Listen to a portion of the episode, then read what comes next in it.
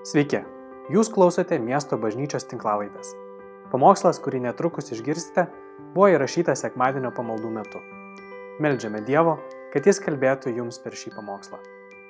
Labas rytas visiems, gera su jumis sveikintis šitą nuostabų sekmadienio rytą, nes jis yra ypatingas, be ne visas krikščioniškas pasaulis šiandien švenčia sėkmines, tai yra šventosios dvasios ateimas, šventosios dvasios nužengimas ant mokinių. Tai yra be galo reikšminga šventė kiekvienam tikinčiajam.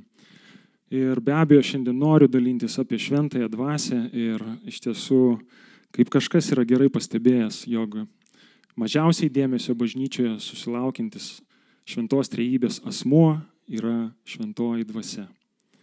Ir paradoksas, jog būtent šventoji dvasia yra labai svarbi ir mes esame labiausiai nuo jos priklausomi savo tikėjimo kelioniai.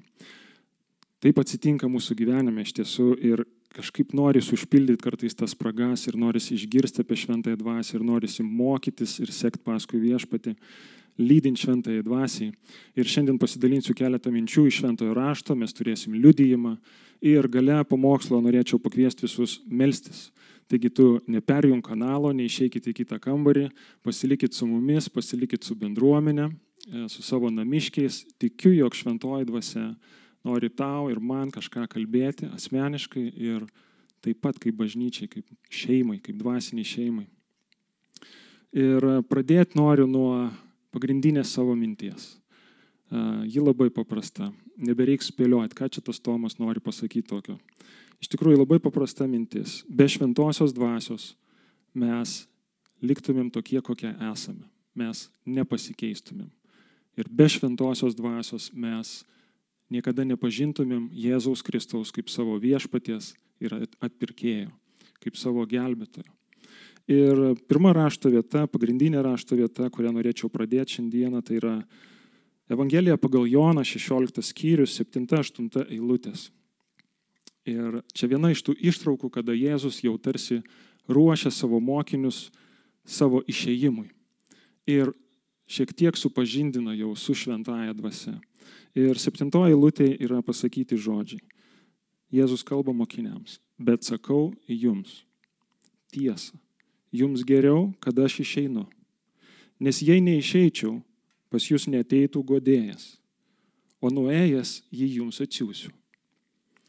Atėjęs jis įtikins pasaulį dėl nuodėmės, dėl teisumo ir dėl teismo. Štai tokia rašto vieta. Žinot, kad pats unikaliausias, pats didžiausias stebuklas žmogaus gyvenime, kuris gali įvykti veikiant šventąją dvasiai, yra žmogaus atsivertimas, yra žmogaus atgimimas. Arba paprasčiau kalbant, suprantamiau galbūt, jo perkeitimas.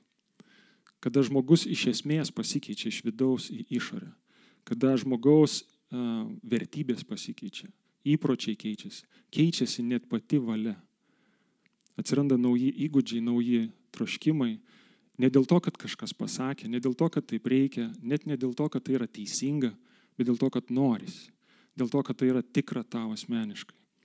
Tai yra paslaptis. Kai buvau jaunuolis, Aš maniau, kad pats didžiausias stebuklas galėtų būti kažkoks išgydymas, ten tarkim, kurčnebelys pradėtų kalbėti, arba koks aklas gimęs žmogus imtų regėti. Bet iš tiesų, kuo toliau, to labiau suprantu, žmogus yra labai sudėtingas, labai daugias sluoksnis kūrinys. Ir kartais, kad kažkas iki mūsų širdies ateitų, reikia labai daug darbo. Ir nebūtinai rezultatas būna tinkamas. Yra ruošiami specialistai, studijos daromos, kaip paveikti žmogų, kaip suformuoti teigiamas kažkokias savybės. Bet kai ateina šventoji dvasia, įvyksta kažkas unikalaus.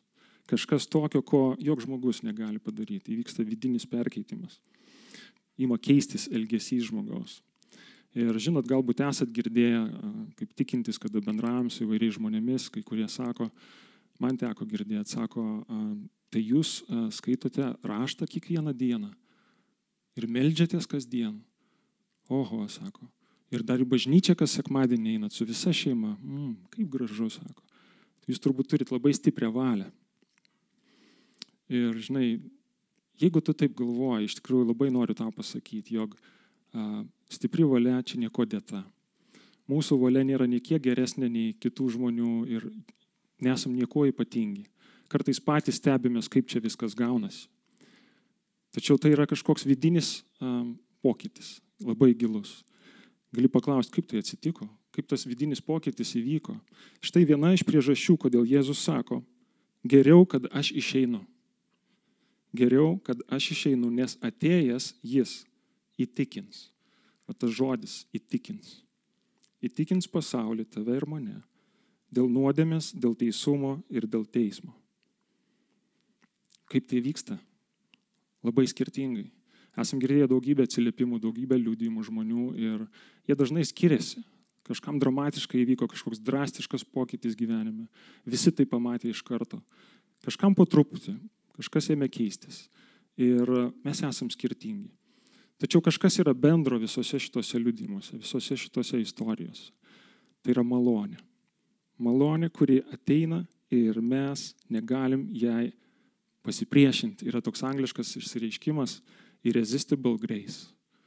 Malonė, kuriai neįmanoma pasipriešinti. Ateina šventoji dvasia ir daro pokytį mumise. Yra laikas mūsų gyvenime, yra kažkoks tai momentas. Mes jo galbūt neapčiopiam, mes spėliojam, Mes sakom, galbūt tada atsiverčiau, tas žmogus už mane meldėsi, arba aš skaičiau tą knygą, arba aš girdėjau tą pamokslą, galbūt tada kažkaip Dievas mane palėtė. Mes spėliojam, mes neatsimenam, mes nežinom ir net pažįstam to momento, kada Dievas mus įtikino, kada mes atsivertėm. Ir, žinot, man papuolė į rankas citata vieno labai garsaus 20-ojo amžiaus mąstytojo, rašytojo, profesoriaus C.S. Lewiso, daugelio knygų autoriaus kuris e, labai įdomiai įvardina savo tą momentą, kada jis suvokė, jog šventoji dvasia padarė tą darbą, atsivertimo darbą arba įtikinimo darbą jo gyvenime. Ir noriu pacituoti jo, mm, jo mintis, kaip jisai liudyja tą istoriją. Sako, buvau pakeliui link Vipsneido parko Saulėtą rytą. Istorija tokia, kad jis su broliu važiavo su motociklu į kažkokį tai Vipsneido parką. Ir motociklas buvo su lopšeliu, vienas ratas papildomas. Jūs vaizduojat, sėdi garsusis Levisas, Sijas Liujisas, su šalmu galbūt ant galvos. Ir jis važiuoja į, jį veža brolis link parko. Ir sako, buvom pakeliui likto, likto parko saulėtą rytą. Kol išsirošėme link jo, aš buvau netikintis Jėzumi Kristumi kaip Dievo sunumi labai konkretus teiginys. Ne, ne apskritai Dievu netikintis ar tikintis. Bet buvau netikintis Jėzumi Kristumi kaip Dievo sūnumi. Kai atvykome iki parko, suvokiau, jog esu tikintis. Labai įdomu, ne? Ir jis bando dar kažkiek tai pailustruoti tai, kas su juo atsitiko. Sako, tai buvo panašu į žmogų, kuris po ilgo mėgojimo vis dar guli nejudėdamas lovoje. Tačiau jau suvokė, jog yra prabudęs. Tas momentas. Tu prabudai. Kažkas tave pažadino. Tavo argumentai išnyko. Tu tiesiog jauti, kad tu, tu priimi, tu tiki. Tau nesinori priešintis, tau nesinori atmesti, tu nori pažinti, nori suprasti. Tai yra šventosios dvasios įtikinimas.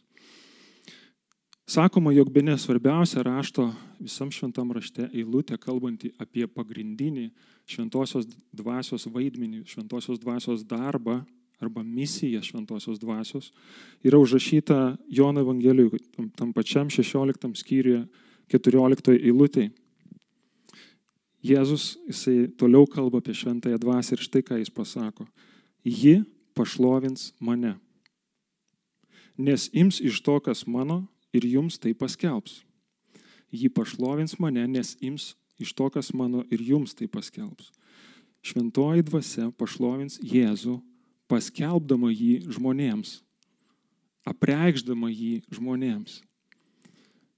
Šventoji dvasia kaip geras dailininkas prieis prie tavo širdies ir nupieš Kristaus paveikslą, tau suprantamai, tau suvokiamu būdu, kad tu negalėsi atitraukti akių nuo Jėzaus Kristaus. Šventosios dvasios misija yra vest pas Kristų, rodyti į jį, pašlovinti Jėzų, priminti apie jį. Prangieji, tikrasis atsivertimas yra atsisukimas į Jėzų Kristų. Tai tikėjimas jo auka ant kryžiaus už tave ir jo prisikelimu iš numirusių tavo išteisinimui. Atsivertimas yra dvasios darbas. Jok žmogus to pats padaryti negali. Todėl mes tikim šventąją dvasę, todėl mes e, siekiam paklust šventąją dvasiai. Tai labai svarbi tiesa, jog šventosios dvasios darbas yra pašlovinti Kristų. Šita pati eilutė pasikartoja Jono 15.26 eilutė, 15 skyrius, kai ateis godėjas, Jėzus sako, kurį jums atsiųsiu nuo tėvo, tiesos dvasia, kuri eina iš tėvo, jis liūdis apie mane. Taigi šventoji dvasia, jinai pašlovins viešpati ir jinai liūdis apie Kristų. Dvasios įtikinimas yra labai patikimas ir jo taip lengvai neišmuši. Ne, galima mūsų gyvenimai gali būti sugriuvę, mūsų gyvenimai gali būti kažkokie nevykę, bet įtikinimas arba tas vidinis liūdimas, jisai niekur nedingsta. Yra toks posakis, kad argumentai pašalina bejonės, tačiau įtikina mus šventoji dvasia. Kadangi dvasia nori pašlovinti ir liūdyti Kristų mūsų gyvenime, ji būtinai, būtinai veda ir ves prie Jėzaus. Amen. Šitoje vietoje aš noriu sustoti ir tavęs paklausti. Labai svarbaus dalyko. Ar prisijungęs prie krikščionių bendruomenės? Dabar tas žodis prisijungęs labai aktualus, nes mes online žiūrime šitos a, transliacijas, pamokslų klausomės. Ar prisijungęs tu prisijungiai prie Jėzaus Kristaus? Kaip, kaip, kaip buvo su tavim? Ar susitikęs įdomius, gerus žmonės bendruomenėje, susitikai Kristų? Gal tu net prisidedi savo tarnystę bendruomenį, gal tau patinka prisidėti prie kažkokio didesnio tikslo, tu tarnauji, tu susiradai gal netgi draugus bendruomeniai. Bet ar tu susidraugavai su viešpačiu, ar jis yra tavo atpirkėjas asmeninis? Ir galbūt tu gali pasakyti, ką žinau. Liktai savo gyvenime kažkokio lūžio nepatyriau, kaip sėjas Liujisui nevyko kažkokio tokio vidinio pokyčio, su motociklu nevažiavau. Gal buvo kažkokie kiti dalykai. Tai labai sub, subtilu iš tikrųjų ir subjektyvu. Ir žiūrėkit, yra keletas požymių, kurie gali liūdyti tau, jog šventoji dvasia įtikino tave, jog atsivertimas įvyko. Ir keletas iš jų, aš noriu, kad jie būtų tau kaip orientyras arba pagalba susiorientuoti, ar įvyko kažkoks pokytis tavo gyvenime. Pirmas iš jų, mano galva, labai svarbus yra tai, kad Kristus tampa svarbesnis ir brangesnis, o nuodėmė tampa baisesnė ir baisesnė. Tai yra atsivertimo momentas, atgimimo momentas. Žmonės įvairiai įvardina. Vieni sako, man akis atsivėrė, pradėjau pasaulį visokiom spalvom, visom spalvom matyti. Paštalas Paulius, pavyzdžiui, sako, man tarsi žvinai nuo akių nukrito. Yra kažkoks patyrimas, kad Kristus tampa tau labai brangus, nuodėmė tampa baisi. Kitas dalykas, tai yra, tu išgyveni galbūt netgi kalties ir gėdos jausmą dėl padarytų nuodėmių. Ateina atgaila į tavo širdį. Jeigu galėtum, viską pakeistum, tačiau negali. Todėl tau labai gaila dėl to, kas įvyko. Ir tu ateini pas viešpatį ir sakai viešpatį, atleisk, jeigu gali. Ateina atgaila į tavo širdį. Suvokimas, jog Dievas yra šventas. Ir aš noriu būti švarus. Tai labai svarbu. Kai šventoji dvasia daro pokytį mumyse arba įtikina mus, atsiranda noras pažinti Jėzų. Vis labiau ir labiau. labiau. Evangelija tampa tavo asmeninė žinia. Būna, kad skaitai raštą ir kažkokios eilutės tau labai iššoka ir tu sakai, wow, parašyta man. Norisi pažinti Jėzų daugiau. Norisi melstis Jėzui. Ar buvo tavo gyvenime momentas, kada tau vienas pats buvai namuose, niekas neprašė, niekas nestebėjo ir tu sugalvojai melstis. Galbūt tai buvo pirmas kartas tavo. Ir tu ištariai, pats savo ausimi išgirdai, savo lūpomis ištariai, Jėzau viešpatė. Kažkoks jausmas tave turėjo aplankyti. Norėjai kalbėti su viešpačiu, nes tu aiškiai suvokiai, jog jis yra su tavim, jog jis girdi tave. Tai labai brangu. gilios ramybės ir džiugesio patyrimas, laisvės, dėkingumo patyrimas, supratimas, jog nebesi vienas. Čia yra keletas požymių, iš tikrųjų jų gali būti daugiau. Ir jei tai, ką paminėjau, tau atliepia, galbūt tai guodžia, bet galbūt tau kelia klausimus, nes galbūt nieko panašaus tau neįvyko. Raštas mus mokina, kad ištirtumėm save, ar esame tikėjime. Todėl, man atrodo, yra gerai užduoti savo tokius klausimus. Viešpatie, ar tu, ar aš esu tikintis, ar, ar, ar tu esi mano viešpats. Ir jeigu jauti baimę arba nerimą, aš galvoju, tai yra geras laikas kviesti viešpatį savo širdį. Sakyti, šventoji dvasia, ateik, įtikink mane. Noriu, kad eitumėm toliau. Ji pašlovins mane, liūdys apie mane. Tai nebus tik vienkartinis darbas, tai yra nuolatinis darbas. Kartą mes ištraukti iš tamsybių į Dievo šviesą, esam pakeisti ir šventoji dvasia lydimus šitoje kelionėje. Kartą gavę šventąją dvasę mes jos nebeprarandam. Šventoji dvasia veda mus, mokina mus, pašventina mus, įtikina mus ir drąsina keliauti toliau. Ir tai yra kita priežastis, kodėl geriau, kad aš išeinu, Jėzus sako.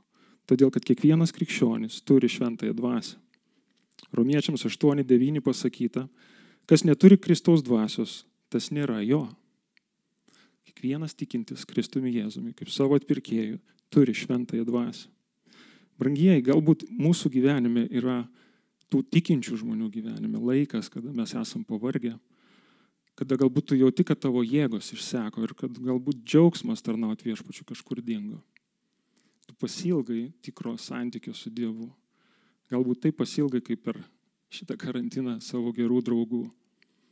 Ir aš galvoju, kad šitas ilgesys arba nepasitenkinimas, nusivylimas gali būti dvasios raginimas tau šauktis viešpatės. Sakyt viešpatė, aš noriu vėl susitikti su tavim. Tiesiog tai būna tai nauja diena. Tai būna tai naujas brūkšnys ir naujas etapas. Vėl ir vėl šauktis viešpatės. Prašyti jo atgaivos, atgaivink mane. Kai skaitom psalmės, mes matom šitos, šitos žodžius, šitą maldą labai dažnai. Labai dažnai, kai mes pametam savo stiprybės ir nebetikim savim gerąją prasme, šventoji dvasia garsiau pradeda kalbėti mums kažkokie įvykiai gyvenime, jie mus priartina prie Dievo dar labiau. Ir mes po to esam labai dėkingi viešpačiui, nes patys ten nebūtumėm nuėję. Aš noriu, kad jūs dabar paklausytumėt mano minėto liudyjimo, liudys mūsų draugas, bendruomenės narys, brolis Gintas. Ir paklausykim, ką šventoji dvasia, ką viešpats padarė jo gyvenime. Trumpa ištrauka. porą metų atgal įvyko insultas. Prieš insultą kūnas sveikas buvo, duose mėgojo. Po insulto atvirkščiai kūnas šiek tiek mėga, toks nekoks duose pabudo. Ir kai pabudo duose, matai, kad kūniški dalykai tai yra laikina, visi tai praeis. Visi tai nereikia jų kabintis.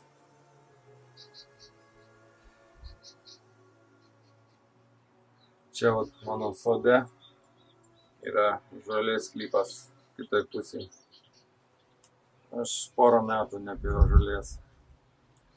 Tai ten dabar dilgėlynai, pusnynai, kažin kas ten darosi.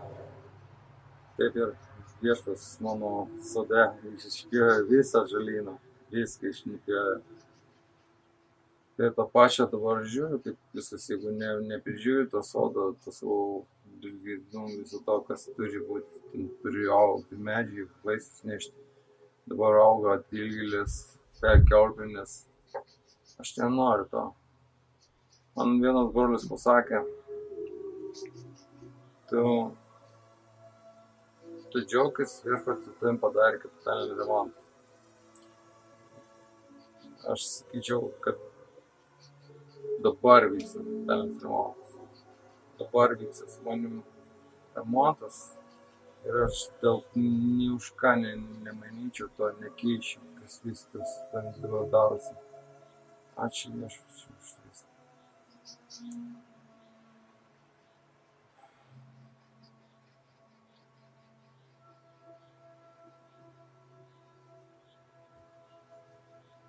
Noriu pasakyti visiems,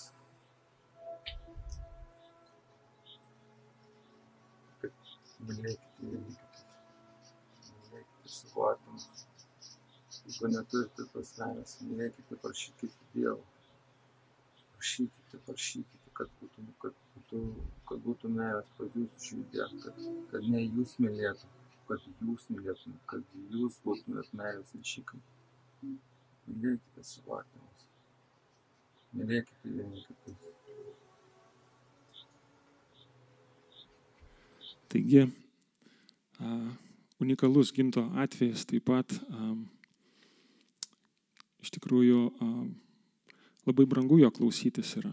Jeigu susitiksit gintą, jis turbūt galėtų valandą ar dvi pasakoti daug, daug daugiau dalykų, čia buvo kelios minutės. Tai, kuo jis pasidalino, e, bet visada buvo brangu išgirsti iš jo tai, kad Tomai sako, niekada, niekada neiškeiščiau į nieką tai, ką dabar suprantu apie Dievą, tai kaip aš jį matau dabar, taip kaip, taip kaip aš jį dabar išgyvenu, ką jis man reiškia, ką reiškia malda ir tikėjimas viešpačiu, ką reiškia meilė. Neiškeiščiau niekada į tai, kas buvo prieš tai.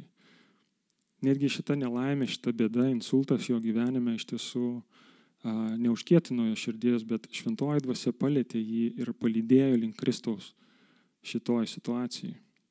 Man tai labai įspūdinga iš tiesų, nes tas pokytis vidinis, kada dvasia atgyjo, nors kūnas tarsi užmygo, tai yra tik šventosios dvasios darbas. Mes galim būti dėkingi tik šventai dvasiai. Knygų skaitimas, kursų lankymas, brangiai, nebūtinai tai padarys. Bet šventoji dvasia įtikino ir gintas jisai, jis nei, nei už ką neiškeistų tai, ką jis šiandien turi. Žiūrėkite, Feziečiams penktas skyrius, 18 eilutė sako, labai svarbius žodžius kiekvienam krikščioniui. Tai yra paliepimas. Būkite pilni dvasios. Kas kartą skaitau šitą eilutes ir galvoju, viešpatė, tai ką aš vėl esu be dvasios, kas čia atsitiko su manim, kad man vėl reikia būti pilnam dvasios. Ir, ir aš suprantu, kad mes esam kaip indai, kurie dugne turi skylės. Kiek be pilsi juos, jeigu stipriai pilsi, kažkiek daugėja, bet šiaip daug kas išbėga laukan. Ir jeigu nebepilsi, jisai liks tuščias, atrodo. Nes visuomet mums reikia tos dvasios, nuolatinio pripildymo, nes nuolatos e, mes esam keuri ir mums reikia jo artumo. Mes gyvenam ne dangui, mes gyvenam žemėje, mes nusidedam, todėl būkite pilni dvasios. Didžiulis yra skirtumas, brangieji, kai dvasia mus pripildo ir kai jį mūsų aplanko. Didžiausias skirtumas yra tame, mano galva, kad mes pradedam mes esam tarsi įgalus ir galintys vykdyti viešpatės valią, kai šventoji dvasia mus pripildo. Labai noriu duoti vieną tokį gražų pavyzdį iš šventojo rašto apie tą skirtumą, kai šventoji dvasia mus pripildo. Ir e, šitas pavyzdys yra e, Morkaus Evangelijos 16 skyriui, tai yra paskutinis Morkaus Evangelijos skyrius, labai svarbus, nes ten yra kalbama apie Kristaus prisikelimą ir jis pasirodo mokiniams. Ir skirtumas yra tas, kad kokie mokiniai naujo testamento buvo iki sėkminių ir kokie jie buvo po sėkminių. E, iki sėkminių dienos po nukryžiavimo mokiniai buvo visiškai pasimetę, jie buvo visiškai sutrikę abejonėse, netgi netikintis, e, nes visas jų paveikslas apie tai, kaip jie įsivaizdavo, kaip viskas bus, sugriuvo. Tačiau kažkas su jais įvyksta ir e, man gražu žiūrėti į tai, kad istorija jinai pakankamai detali ir Žinot, ką aš galvoju, jeigu mes esam susirinkę šiuo metu namuose, kažkur kažkas daugiau, gal pas svečius atėjot, norim iš tiesų skatinti, raginti namų bažnyčias šiuo metu, karantino laiku, tai noriu duoti jums namų darbus. Po pamaldų, po šitos transliacijos išsivirkite arbatos ir atsiverskite Morkaus 16 skyrių ir visi paskaitykit. Aš keletą detalių noriu parodyti, galbūt šventoji dvasia jums parodys daugiau.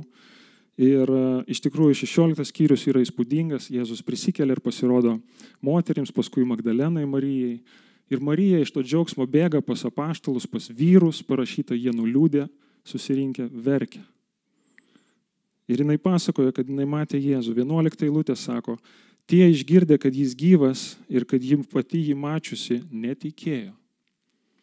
Stiprus pareiškimas. Apaštalai netikėjo ir verkė toliau. 13 eilutė. Du mokiniai susitinka Jėzų. Tada tie du mokiniai grįžta pas kitus ir pasakyta, ir šitie sugrįžę pranešė visiems kitiems, bet ir jais anie netikėjo.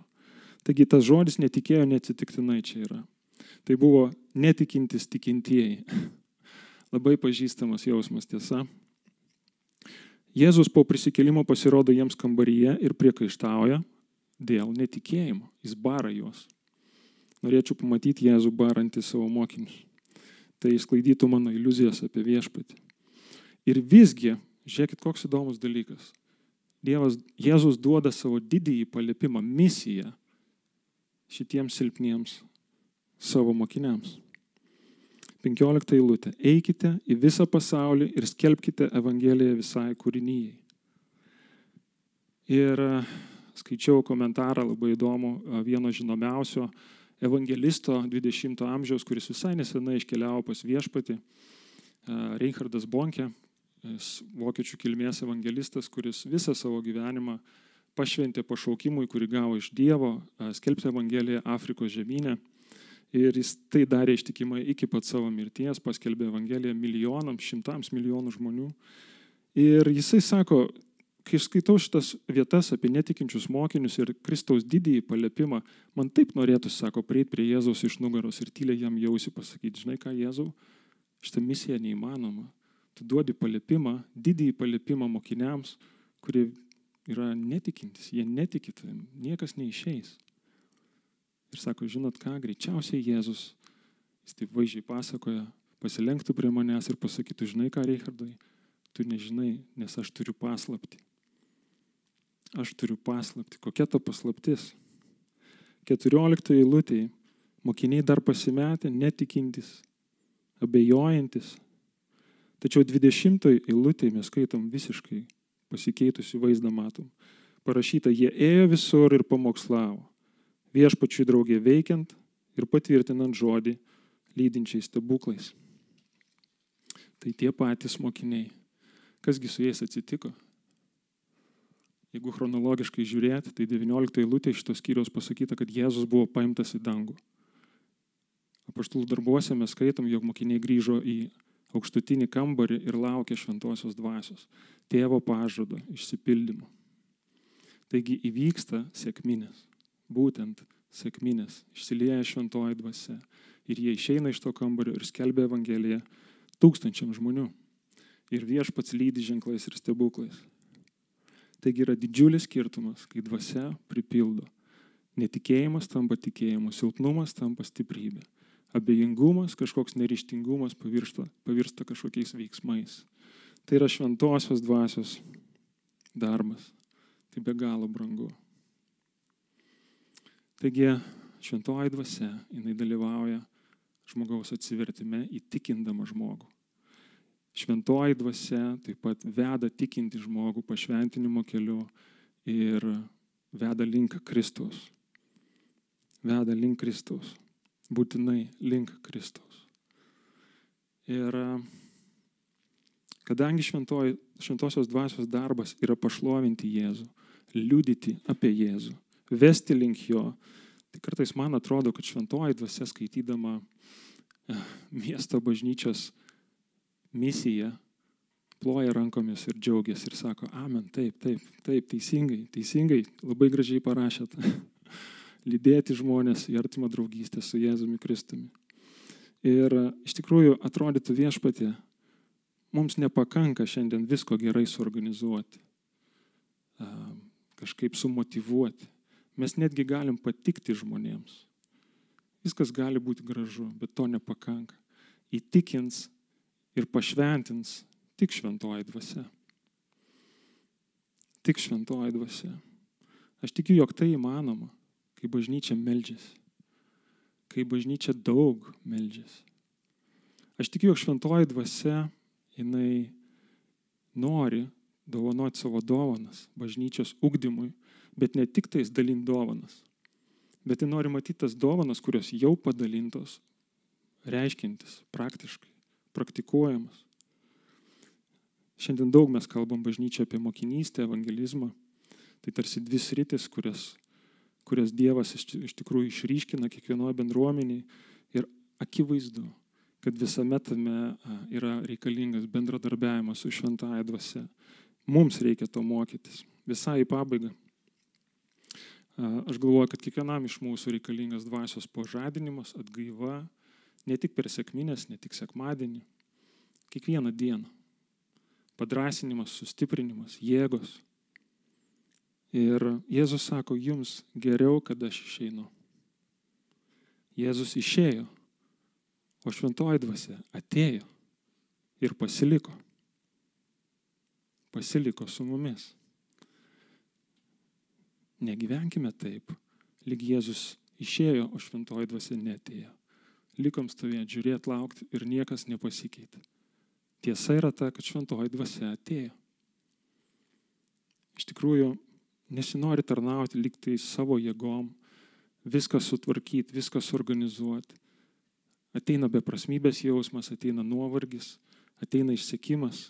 Ir aš galvoju, kad mes taip darydami patys iš savęs mes iš tikrųjų liūdinam šventąją dvasę, nes mes nesam pašaukti patys iš savęs tai padaryti. Įtikinimas ir pašventinimas yra šventosios dvasios darbas. Todėl aš galvoju, kad mums reikia dar daugiau tikėjimo ir pasitikėjimo šventąją dvasę. Milstis jos buvimo, jos dvasios dovanų veikimo bažnyčiai. Nes dvasios vėjas vis dar pučia. Tas a, mokinių aukštutinis kambarys vis dar atviras visiems. Ir aš noriu pakviesti tave maldai. Iš tikrųjų labai noriu melstis už tave, jeigu tu pajutai kažkokį nerimą arba tu sakai, aš nežinau, ar mano gyvenime buvo kažkoks lūžis, ar iš tikrųjų aš esu atsivertęs, o gal man tiesiog patinka graži muzika, gal man patinka bendravimas, gal ten faini žmonės renkasi, bet iš tikrųjų aš nežinau, ar Jėzus Kristus yra mano viešpats. Ar tu sutiktum tiesiog melstis, noriu palydėti tave šitoj maldoj, paprašant, kad šventoji dvasia ateitų ir keistų gyvenimą iš esmės. Pasimelskim kartu. Šventoji dvasia. Viešpatė. Tu atėjai tam, kad apreikštum Jėzų, kad palydėtum prie viešpatės kad įtikintum mus. Todėl meldžiu šventoji dvasia, pripildyk mane. Jėzau Kristau, noriu pažinti tave kaip viešpatį ir gelbėtoją.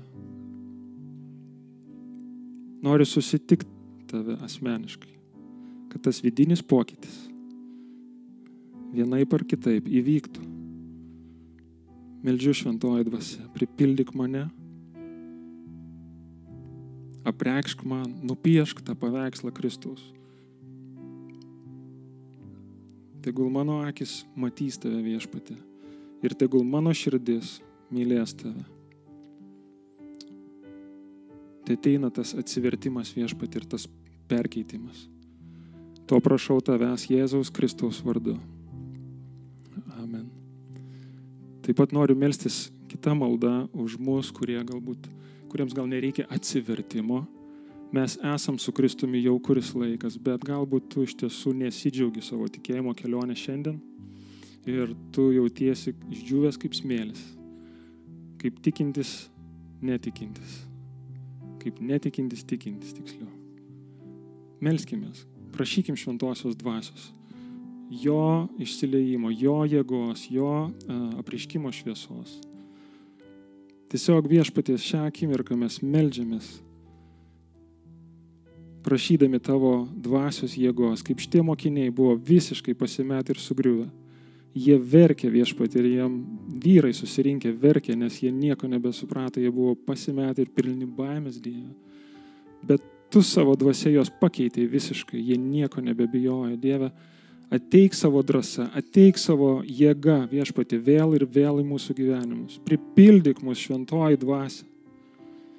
Meldžiam Jėzaus Kristaus vardu, viešpatė, tai išsilieja tavo šlovė, tai išsilieja tavo prieiškimo šviesa. į kiekvieną tavęs besišaukiančią širdį. Prisiliesk ant gamtiškai viešpati ir tegul tavo padrasinimas Dieve būna liudijimas, jog tu esi šalia, jog tu esi šalia, paliūdik save šventoji dvasia, apreikšk vėl mums Kristų, koks brangus esi Jėzau ir koks tu esi reikalingas Dieve. Ne mažiau nei tą dieną, kada mes atsivertėm. Prašom tave, šventoji dvasia, prisilies prie mūsų, prie mūsų artimųjų, prie mūsų šeimos, prie mūsų draugų, mūsų giminės. Dieve, ateik išsiliek į mūsų, į mūsų namus, viešpat išsiliek į mūsų miestus, į mūsų šalį. Kviečiam tave, šventoji dvasia. Tai tavo sėkminės ateina. Ir mes dėkojam tau, viešpatė, už šitos nuostabius tavo darbus, Dieve. Už nuostabius tavo darbus. Atiduodam tau šlovę viešpatė Jėzaus Kristaus vardu. Ir visi galim pasakyti Amen. Ačiū, kad klausėte. Daugiau informacijos apie miesto bažnyčią rasite internete www.m-b.lt arba Facebook, Instagram bei YouTube paskiruose.